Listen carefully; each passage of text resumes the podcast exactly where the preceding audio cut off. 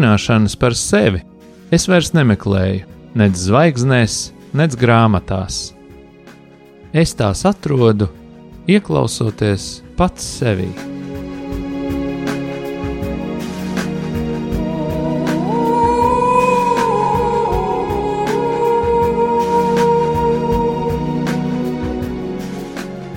Raidījums Mīlestības terapija. Top mīlestības mājai, sadarbojoties ar profesionālo pastorālās konsultēšanas asociāciju. Sarunas par sevi, dzīvi, psiholoģiju un dvēseles terapiju.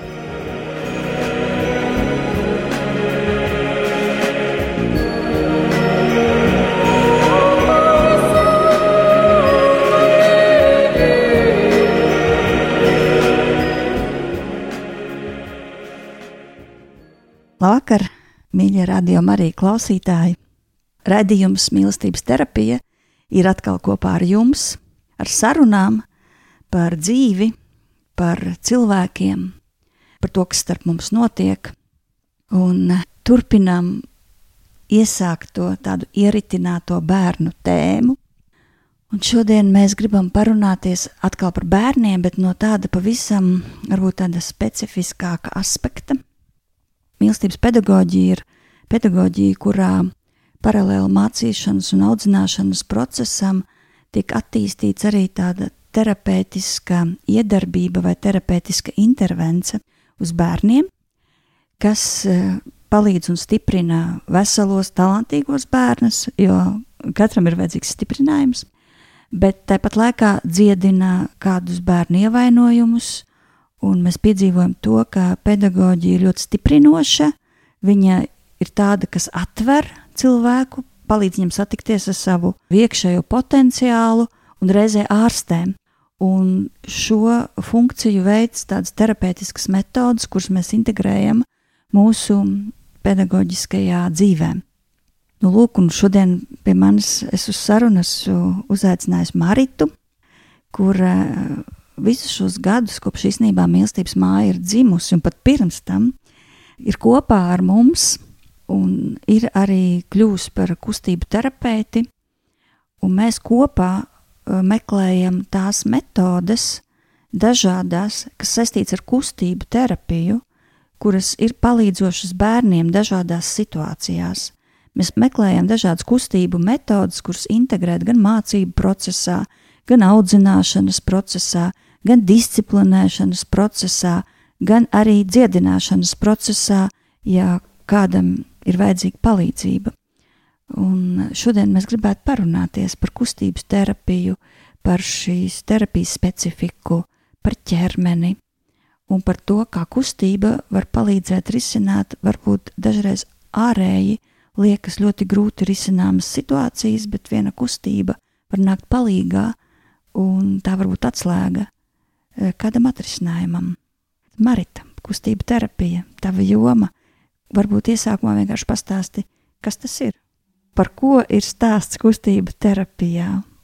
Un, lai būtu vieglāk, es um, dažus gadījumus, kurus mēs te kopā esam risinājuši mīlestības mājā, vienkārši izstāstīšu. Pusīts gāja bērnu dārzā, atklājām, ka viņš rausta valodu. No sākuma mamma vienkārši deva tādus signālus, ka viņa ir par to satraukta, un mēs domājam, ka varbūt tas pāries, dosim laiku viņam, bet šī valodas raustīšanās kļuva arvien stiprāka un stiprāka. Un e, mamma meklēja nu, atbildes uz šo jautājumu, kā palīdzēt šim bērnam un kas ir noticis. Un e, kopā mēs aizgājām līdz e, dažām atbildēm, un vēl līdz šai dienai mācām šim puisītim izmantot kustību terapiju. Labvakar!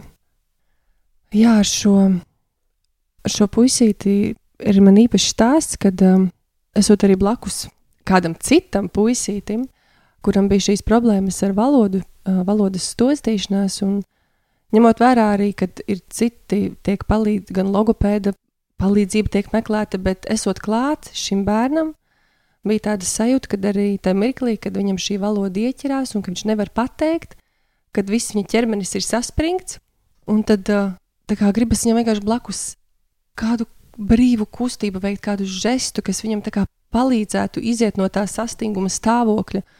Un tad eh, kādā mirklī šim puisītim piedāvāja, ka viņš varētu mēģināt tajā mirklī, kad viņš jūt, ka šī valoda saķeras, kad viņš nevar pateikt kaut ko, vienkārši kā veikt kādu kustību, kādu žestu, kas viņam palīdzētu iziet no šī sastinguma. Un uh, tas viņam palīdzēja nevienmēr. Papildus viņš arī gan zīmē par to, ko, kas, eh, kādas ir šīs varbūt sāpīgās, sāpīgie notikumi bijuši, gan kaut kādi jūtas tādas, kas ir grūti pārdzīvojamas, bet uh, tas ir tāds tā kā maza nianse, ko viņš varēja izmantot savā ikdienas ritējumā, kad notiek šī varbūt aizķeršanās. Un tas, tu atceries, ka tu vari pakustēties, tu vari iedot savam ķermenim impulsu, un, kad, un ka tā valoda arī aiziet. Un tad attiecīgi arī šim otram puisītim, kad uh, tika meklēti šie dažādie risinājumi, kā palīdzēt, tad tas bija viens no tādiem, viena sadaļa, ko arī piedāvāja mammai un dārziņā palīdzēt, kā piedāvāt šim bērnam, un ka tas ir viens žests, un tā valodā iziet uz priekšu.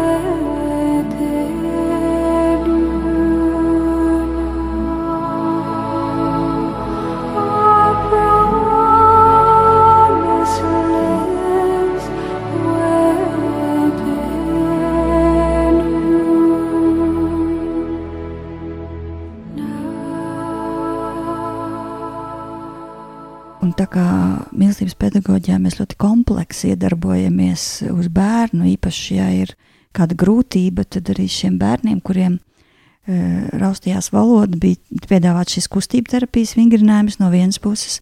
No citas puses, viņa kustību piedzīvoja mākslā. Tad, tad mēs ļāvām viņiem runāt par savām bailēm, par kaut kādiem pārdzīvojumiem, tieši zīmējot un to izdzīvot, to sāpīgo spriedzi uz liela papīra. Un arī tas ir palīdzoši, jo tā arī ir kustība, bet tā ir kustība mākslā, kā arī brīvā spēle mums ir fantastisks instruments, kur, pieņemsim, kādam no šiem zēniem mēs devām uzdevumu uzbūvē šķēršļus, kas tev traucē īstenot tavus talantus. Un es vēl savās prezentācijās izmantoju šī zēna bildi, kur viņš ir salicis tā tādu rāmi, un iekšā ir ļoti daudzas tādas mazas trubiņas, daudz, daudz, daudz, daudz trubiņas, un viņš teica, man savus talantus īstenot traucē mans bailes, šīs daudzās bailes. Un um, šāda kompleksa pieeja kaut kādai noteiktai lietai, viņa atnes daudzas iespējas radoši risināt, brīvi skatīties uz kaut kādām lietām, kas notiek cilvēka dvēselē, un tā izpausme ir kaut kāda tāda vai šāda veida redzamā formā. Bet ne tikai kustību terapiju mēs izmantojam, palīdzot bērniem, kuriem ir kāds traucējums, kāda grūtība. Mēs domājam arī par to, kā iesākt un noslēgt stundu. Un mēs izmantojam tādu maritas arī ieteikumus, idejas, kādi varētu būt koncentrēšanās vingrinājumi. Un atslābināšanās, vingrinājumi pēc kārtīga darba. Marita nāk un palīdz skolotājiem apgūt šīs praktiskās lietas, kā palīdzēt bērniem ieiet kaut kādā procesā un iziet no procesa. Kā tu šo līniju, Marita, varētu mazliet raksturīt, pastāstīt kaut ko varbūt pilnīgi praktisku, jo tas varbūt varētu palīdzēt arī vecākiem mājās, mācot un audzinot savus bērnus. Jā, kad teiksim, pirms kādas nodarbības vai stundas sākuma, kad bērns kā, pirms tam ir bijis starpbrīdī, vai viņš ir, viņš ir aktīvā, kustībā, darbībā, tad ir ļoti svarīgi palīdzēt viņam kā, pārslēgties uz to, ka tagad ir sākas nodarbība, sākas stunda, kurā tev vajag koncentrēties, tev vajag pievērst uzmanību. Un tāpēc ir ļoti labi, ja sākumā pirms, pirms šīs stundas var kaut nelielu uzdevumu, kur, teiksim, bērns varbūt aizver acis un mēģina saklausīt skaņas, teiksim, piecas dažādas skaņas, bet to dara klusu. Vai, teiksim, atrast telpā kādus vienādas krāsas priekšmetus. Un tas viņam liek koncentrēt uzmanību, nonākt šeit un tagad. Ļoti labs veids vēl ir, kad uh, aicināt bērnu uh, sajust kādas savas ķermeņa daļas, vai, vai bērns vispār var sajust, teiksim, pēdas, kā pēdas pieskaras pie grīdas. Un tas arī palīdz kā, nomierināties, safokusēties un sakoncentrēties tam darbam, kas ir gaidāms uh, stundas laikā. Un tāpat beigās, tātad ir šis sākumā bērns iesildās, viņš sagatavojas, viņš sāk koncentrēties, tad ir šī konkrētā mācību viela, kas ir jāapgūst, Un tad beigās, noslēgumā ir labi, ja bērns var pēc šī visa saspringzinājuma atslābināties, viņš varbūt var izpurināties, jo tas eh, saspringums ir bijis. Var, gluži vienkārši bērniem arī ļoti patīk tāds uzdevums, kad uh, liek iztēloties viņiem, kad, kā, kad suns ir tikko nopeldējies, viņš izskrien no ūdens ārā, un viņš parasti tā kārtīgi nopurnās, lai dabūtu no sevis to visu mitrumu. Un tādā veidā tā arī bērns var palīdzēt uh, nokritīt to spriedzi, kas varbūt ir pa stundu sakrājusies, varbūt kaut kas ir grūts bijis, jāpaveic. Un tad vienkārši, jo bērniem ļoti tā arī, kad beidzas stunda, viņiem gribas izskrieties, viņus var arī trenēt un mācīt to izdarīt mierīgāk, bet arī viņiem jāļauj, protams, izskrieties. Tas ir ļoti būtiski. Kad viņiem ir nācies koncentrēties, kad viņi var arī atlaist vaļā. Jā, paldies, Marita, par praktiskiem padomiem un ejot vēl dziļāk, ne tikai bērniem arī terapeitiskajā procesā es uh, esmu piedzīvojis to, ka kustība terapija, es pat nozīmēju cilvēkam kustību terapiju, lai redzot, ka viņa atrisinājums viņa problēmai slēpjas nevis tik daudz varbūt tādā emocionālā pārdzīvojumā, kas arī ir ļoti būtisks, vai vienkārši tādā sarunā, bet viņš slēpjas ķermeņa atmiņā. Piemēram, ja sievietei ir bijis vardarbības kāds um, pārdzīvojums. Viņa ir cietusi no sitieniem, varbūt, vai viņa ir cietusi no seksuālas vardarbības, tad uh, cilvēks var pārstrādāt šo visu pieredzi emocionāli, psihiski, garīgi, arī piedodot, lūdzot, bet paliek šī ķermeņa atmiņa. Un ķermenis atcerās. Un šis var ļoti, ļoti traucēt arī nu, vēlāk tuvās attiecībās, jo varbūt tas tavs partners neko tev nav nodarījis. Viņš nav saistīts ar šo vardarbību nekādā veidā, bet tad, kad viņš tev pieskarās, tad ķermenis nes to atmiņu, un tad ir vajadzīga šī ķermeniskā kustību terapija, šī palīdzošā terapija ķermenim tieši atvesaļoties.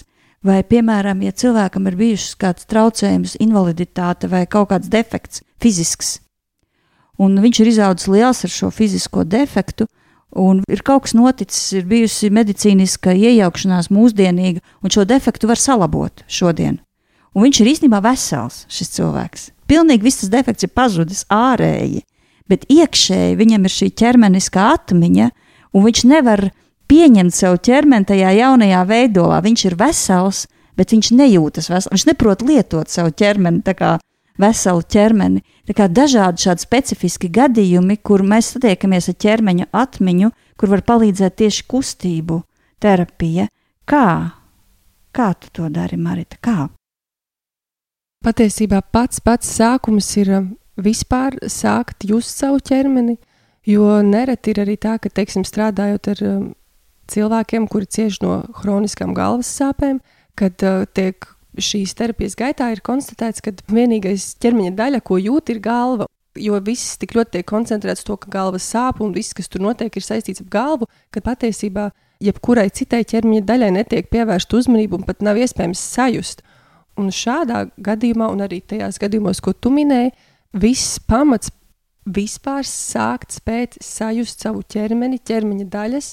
Tas liekas tik vienkārši, bet pamēģiniet tā apsēsties, teiksim, dīvānā un sajust, eh, ejot cauri teiksim, no papēžiem uz augšu līdz galvas, un mēģiniet sajust katru ķermeņa daļu. Sajust papēžus, sajust apakštilbus, ceļgalus, augštilbus un tā līdz galvai. Vai jūs to varat? Ļoti bieži tā, ka saka, nē, tas es nejūtu, ko tu man prasi. Un tad vieglāk ir varbūt, kad mēs sākam ar pieskārieniem. Pieskaries savām rokām, pieskaries savai galvai, jo tas pieskāriens palīdz tev pašam apzināties savu ķermeņa robežas, savu ķermeni. Un tas ir tas sākuma punkts, no kā mēs sākam. Varbūt no malas tas liekas, ko mēs vispār šeit darām, bet tas ir vispār sākums, lai mēs ietu dziļāk, jo ir tāds tā kā ķermeņa tēls, bet tas nav tas reālais tēls, ko es paskatoties teiksim, uz tevi redzu, bet tas ir kā tu pati sevi uztver. Arī bieži cilvēkam ir ēšanas traucējumi. Teiksim, meitene ļoti slaida, bet viņa pieiet pie spoguļa un viņa redz sevi resnu. Un mēs saprotam, ka objektīvas acis tā nav, bet tas ir tas veids, kā viņa sevi uztver. Un tad mums ir svarīgi, un uz ko arī strādā uh, kustību terapijā, kad spēt adekvāti un tiešām objektīvi redzēt, sajust savu ķermeni, kā tas ir, un pieņemt, un varbūt mainīt to savu nepareizo priekšstatu par to, ko es esmu sev ierakstījis prātā, ka es esmu tāds, nezinu, man tur deguns liels, vai tur ausis tādas, vai vēl kaut kas, bet kad es sāku skatīties objektīvi, es arī sāku pieņemt, varbūt kaut kādas ķermeņa daļas, kas man nav tik tīkamas, kuras es vēlētos, lai izskatās savādāk. Jo caur to ir ļoti daudz ir gan mazvērtības izjūtas, gan kompleksi ar to, kā es izskatos, ar to, kāds ir mans ķermenis un ko es ar to daru.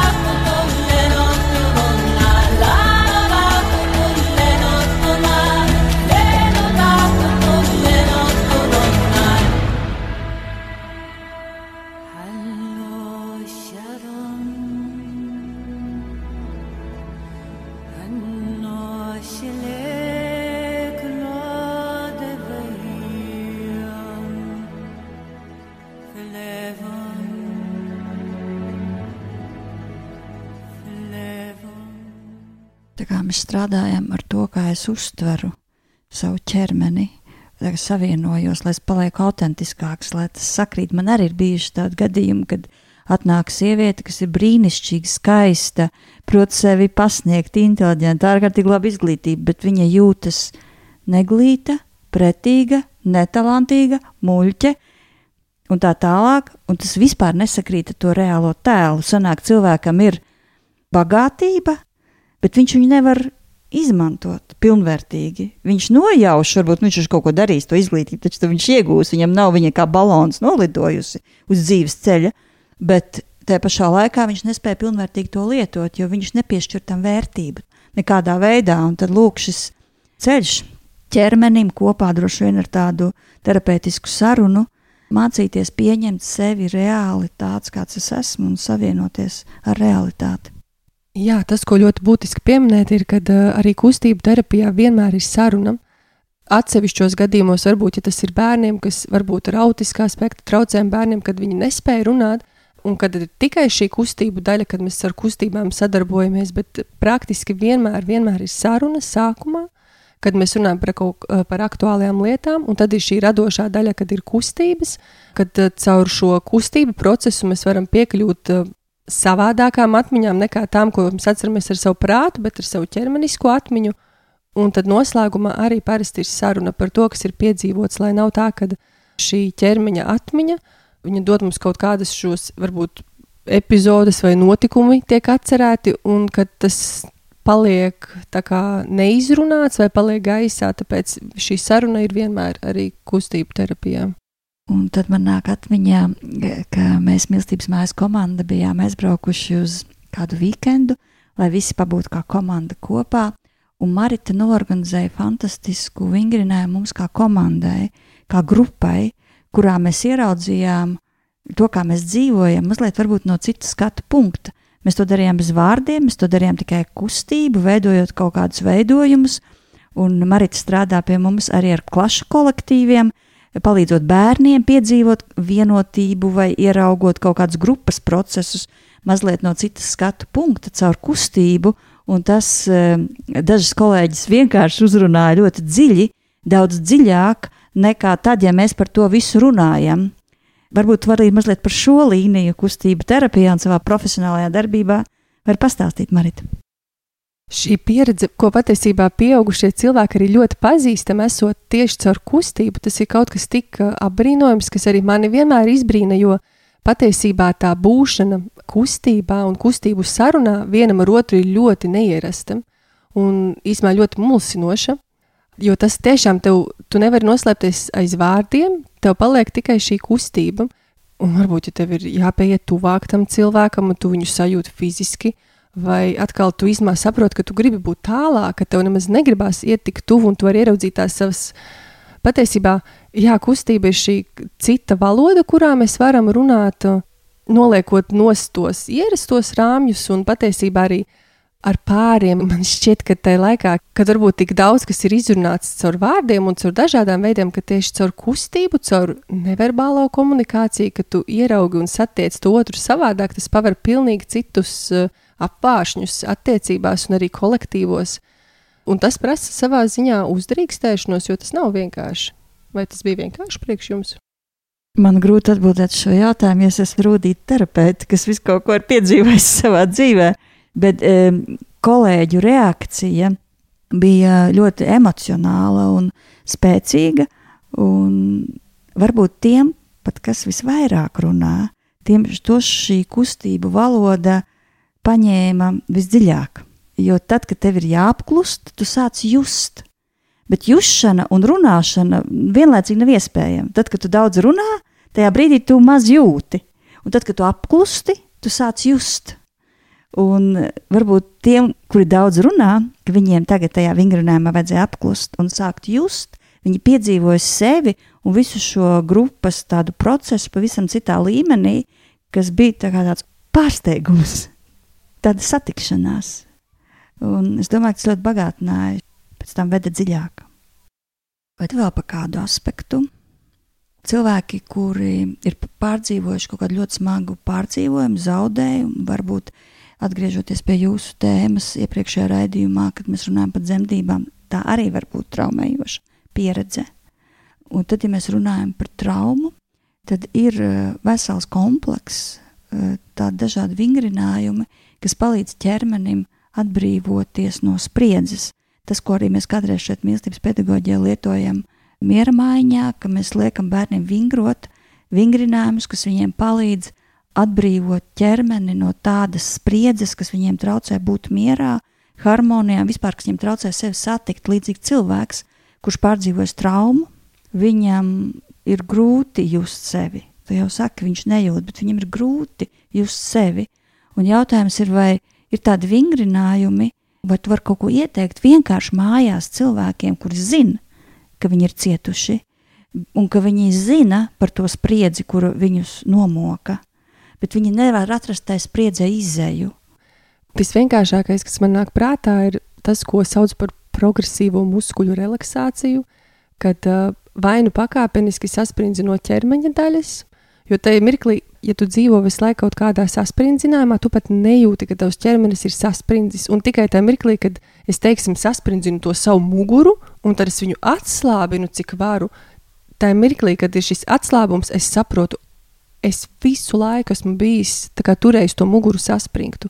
Un tad izējot cauri visām ķermeņa daļām, saspringzinot plaukstas, stipri cik vien var, un atlaižot, un tā pakāpeniski var atrast arī kaut kādas vietas, kur ir bijis šis saspringzinājums, ko es pat neesmu pamanījis, un tad beigās visu ķermeni, cik vien stipri var uz pāris sekundēm, saspringzinu, un tad mēģinu maksimāli atslābināt. Un tas arī nav viegli, citiem nepavisam neizdodas atlaist un atslābināt. Tas ir tas pirmais. Un vēl tu pieminēji, man liekas, ārkārtīgi interesantu līniju par pāriem. Ka pāris var satikties citā, kaut kādā dimensijā, tieši lietojot tikai ķermeņa valodu un kustību. Nu, varbūt, ka tu, ja es neko nesaprotu no šī, tu vari dot kādu piemēru, kā mums mājās satikties ārpus vārdiem viens, kas varbūt nebūtu ar pieskārienu, nebūtu ar fizisku kontaktu, bet vienkārši skatīties acīs, klusējot, un vai tu vari noskatīties tam savam mīļotajam cilvēkam acīs divas minūtes, trīs minūtes, četras minūtes. Un uh, īpaši varbūt tas būt aktuāli pāriem, kas varbūt ir jau ilgtermiņa attiecībās, un kad uh, ir dažādi pienākumi, tā kā šīs attiecības ir apaugušas ar ļoti daudz dažādām lietām, kas ir jāizdara, un tas šīs attiecības, kas ir starp tevi un mani, Viņas ļoti bieži aiziet tādā otrajā plānā. Protams, ja mēs atgriežamies pie pamata, pie pieskāriena, tas var būt ļoti vienkārši. Ja tu vari noformulēt, kas priekš tevis ir patīkami, un tas otrs cilvēks tev var to iedot, vai pieskarties mugurai vai rokai, sākot ar, pat, ar tik vienkāršām lietām, un tad jau to var kā attīstīt. Jā, mums arī ar vīru ir tāds teiciens, tāds moto - satiksimies ar mugurām.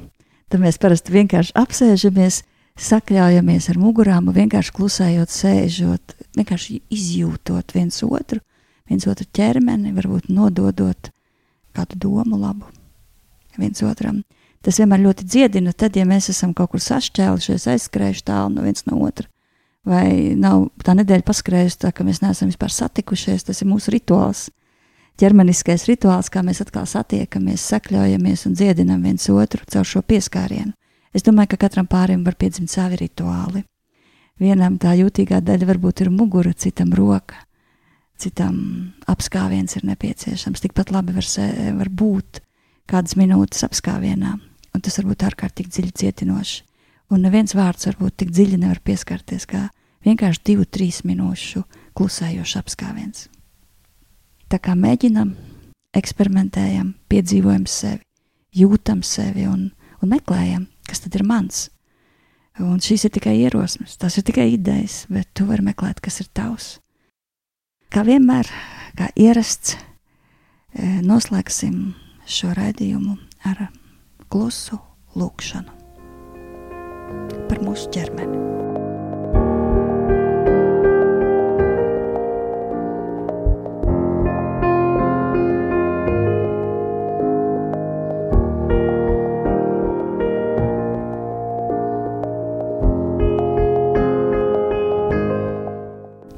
debesu Tēvs, palīdzi mums tagad ērti apsēsties, atslābināt savu ķermeni,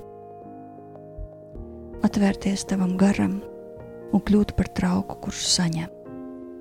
Es esmu trauks, kurš saņem visu, kas līdz no debesīm.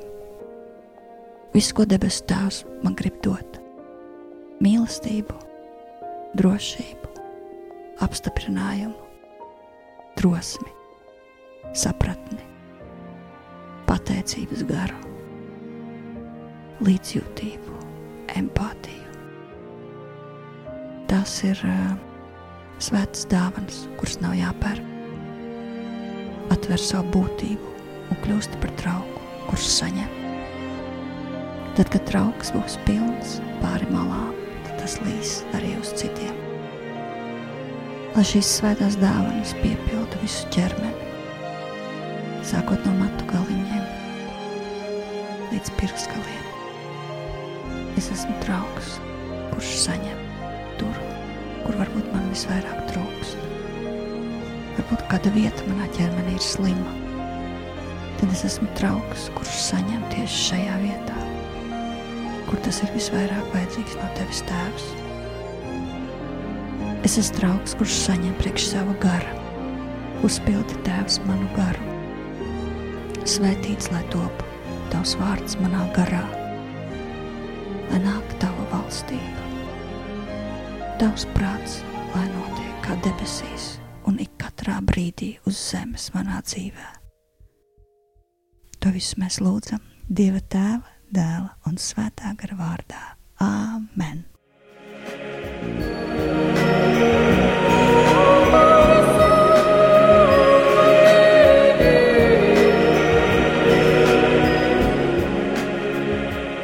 Jūs klausījāties raidījumu mīlestības terapija. Raidījums varat noklausīties mājaslapā mīlestības māja.lv